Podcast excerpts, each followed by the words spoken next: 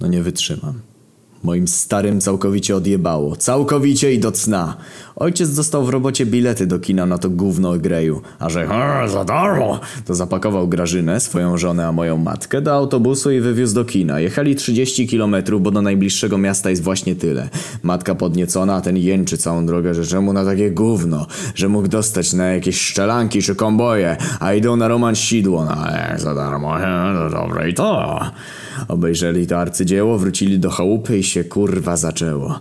Na początku niby nie, ale potem coraz częściej słyszałem jak matka mówi do ojca Januszu Szary. Myślałem, że znowu go wyzywa jak wtedy, kiedy wyżarł ręką z gara całe nadzienie do pierogów po pijaku, ale jednak nie. To pieszczotliwy zwrot. No i mówi do niego, ty mój Januszku. I się wdzięczy i się wypina jak kotka w rui, a mnie się zbiera na żyganie i odwracam głowę. Nic z tego. Znalazłem w przedpokoju podarte rejstopy. Myślę, chuj, matka pewnie biegła obejrzeć seria i spadły z dupy z wrażenia, ale widzę, że powiązane w jakieś supły i węzły.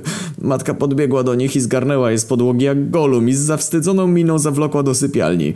Usłyszałem tylko od ojca, Graszka, e, nie gub gadżetu, będą słabe seksy. e". Po paru dniach zacząłem chodzić z wiadrem. Noszę ze sobą po domu, żeby od razu się pożygać na dźwięk. Zwiążesz mnie dziś jak z Sopocką, Januszu? Chciałabym, żebyś mnie wziął na ostro w windzie.